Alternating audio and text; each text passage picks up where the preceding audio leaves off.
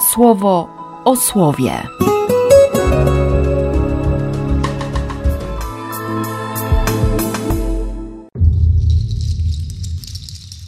4 czerwca, piątek. Z księgi Tobiasza.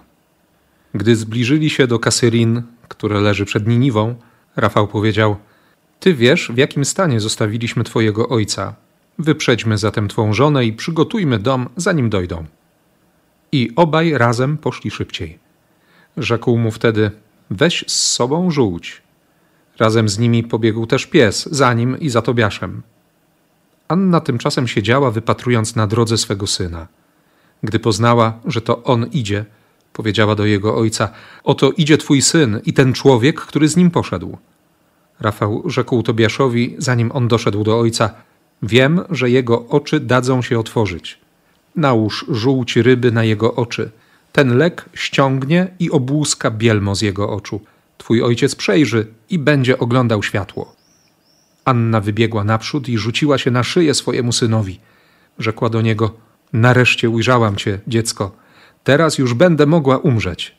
I zaczęła płakać. Także Tobiel podniósł się i potykając się na nogach wyszedł za wrota dziedzińca. Tobiasz podszedł do niego z żółcią ryby w swym ręku i dmuchnął w jego oczy. Potem uścisnął go i rzekł: Bądź dobrej myśli, ojcze przyłożył mu lekarstwo, przytrzymał i obydwiema rękami ściągnął łuski, prowadząc nimi od kątów jego oczu. Ojciec rzucił mu się z płaczem na szyję i rzekł mu: Zobaczyłem cię, synu, światło moich oczu. Dodał także: Błogosławiony Bóg, błogosławione wielkie imię Jego, błogosławieni wszyscy Jego święci aniołowie.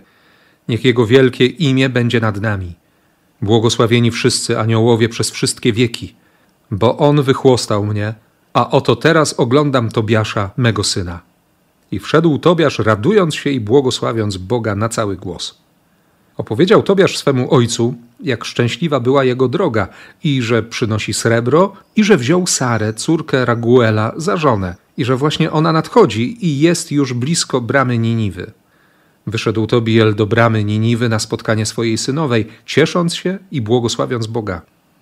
Kiedy mieszkańcy Niniwy zobaczyli, że idzie, że porusza się w pełni swych sił i że nikt go nie prowadzi za rękę, dziwili się.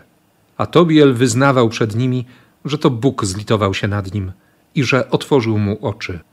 Podszedł Tobiel do Sary, żony Tobiasza, swego syna, i błogosławiąc ją, rzekł do niej: Przybywaj w zdrowiu, córko. Błogosławiony Twój Bóg, który Cię, córko, do nas przyprowadził. Błogosławiony Twój ojciec, Błogosławiony Tobiasz, mój syn, błogosławiona Ty, córko. Wejdź do Twojego domu w zdrowiu, w błogosławieństwie i radości. Wejdź, córko. Tego dnia nastała radość dla wszystkich Judejczyków znajdujących się w Niniwie. Do Tobiela przybyli, ciesząc się, także Achikar i Nabat, jego bratankowie. Z Ewangelii według świętego Marka. Jezus, ucząc na terenie świątyni, powiedział: Jak mogą mówić uczeni w piśmie, że Mesjasz jest synem Dawida? Przecież sam Dawid pod wpływem Ducha Świętego powiedział: Rzekł Pan Panu mojemu: Siądź po mojej prawicy, aż położę Twoich wrogów pod Twoimi stopami. Sam Dawid nazywa go Panem. Na jakiej więc podstawie może być jego synem? Wielki tłum słuchał go chętnie. Sporo się wydarzyło w księdze Tobiasza.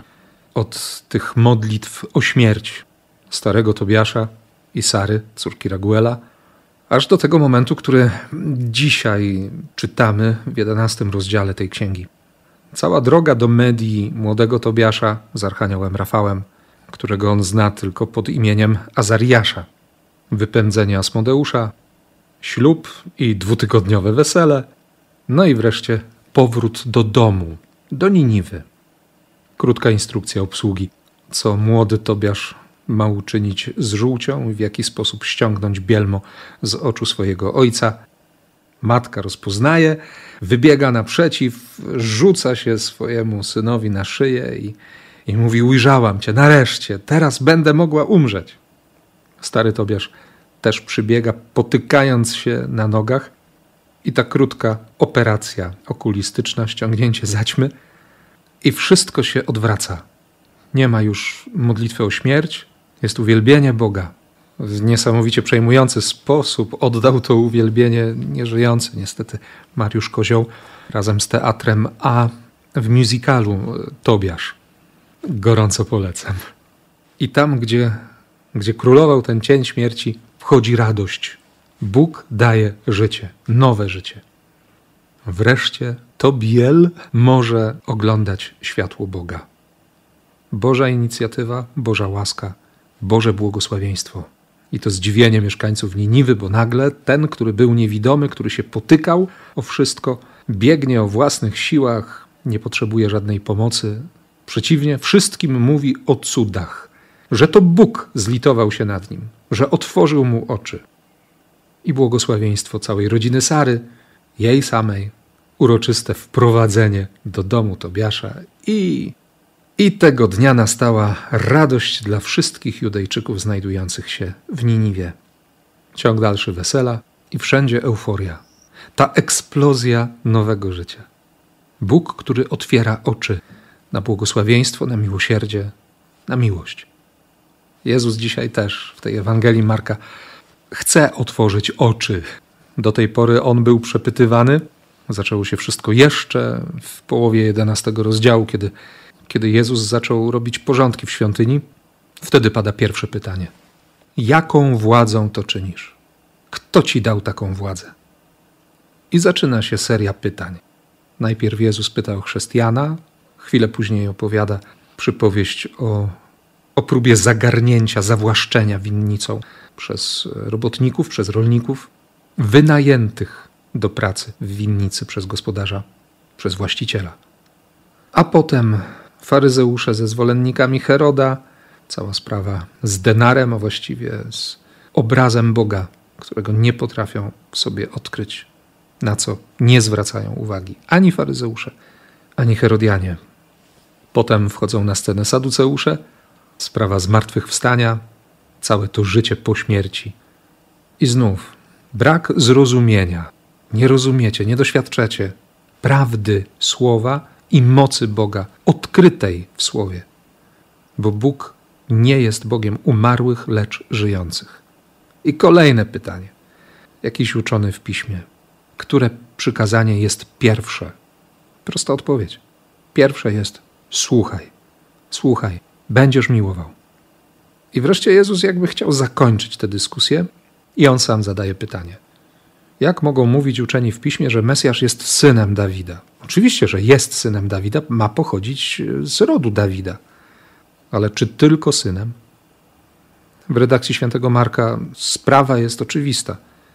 To jest Ewangelia o Jezusie, który jest Chrystusem, synem Boga. To jest po prostu pytanie o to, kim jest Jezus. Marek je ciągle zadaje. I ponieważ wydaje się, że to jest zakończenie tej dyskusji, to wróciłem jeszcze do tego jedenastego rozdziału, do sytuacji, od której się wszystko zaczęło. I tego pytania o władzę, o prawo. Jezusowi w tych wszystkich wyjaśnieniach chodzi o miłość. O miłość Boga do człowieka, który w człowieku zostawia swój obraz i podobieństwo do siebie, o miłość, która jest życiem i która przeprowadzi przez śmierć, o miłość, której się uczymy słuchając Ojca, który jest w niebie. A Żydom chodzi o władzę. Władza i miłość. Można je postawić po dwóch stronach.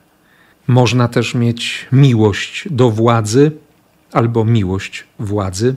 Przekonaliśmy się o tym dość boleśnie, czy przekonujemy się cały czas, szczególnie w tej naszej powojennej historii. Ale można też odwrócić to wszystko i nabrać bardziej Bożej perspektywy, tak jak wczoraj z tą procesją żeby spojrzeć na świat oczami Boga, który nas prowadzi i który jest obecny wszędzie tam, gdzie nawet czasami nie spodziewamy się go znaleźć. Jezus też pokazuje, że nie chodzi o miłość władzy czy miłość do władzy, ale chodzi o władzę miłości, o władzę, którą jest miłość, albo o władzę, która jest miłością. I on to pokaże za chwilę, za moment, Wtedy rzeczywiście niewola miłości nie odbiera nikomu godności, to nie jest zaprzeczenie dla wolności człowieka. Panować potrafi ten, kto się schyli i umyje nogi, i tak dalej, i tak dalej. Nie chodzi o to, żeby mieć miłość władzy, ale żeby mieć w sobie władzę i prawo miłowania. Takie myśli mi mocno chodzą w ten pierwszy piątek miesiąca, kiedy kolejny raz przekonuje się o miłości i miłosierdziu, kiedy Bóg po raz kolejny otwiera dziś właśnie swoje serce, bo mu zależy, bo on kocha, bo dla tej miłości nie ma żadnych granic. Ta miłość jest życiem. Objawiła się Tobiaszowi ojcu, Tobiaszowi synowi, ich żonom i Annie i Sarze. Niech ta miłość objawi się dzisiaj Tobie. Uciesz się wszystkim, co dziś dostajesz w imię Ojca i Syna i Ducha Świętego. Amen. Słowo o słowie.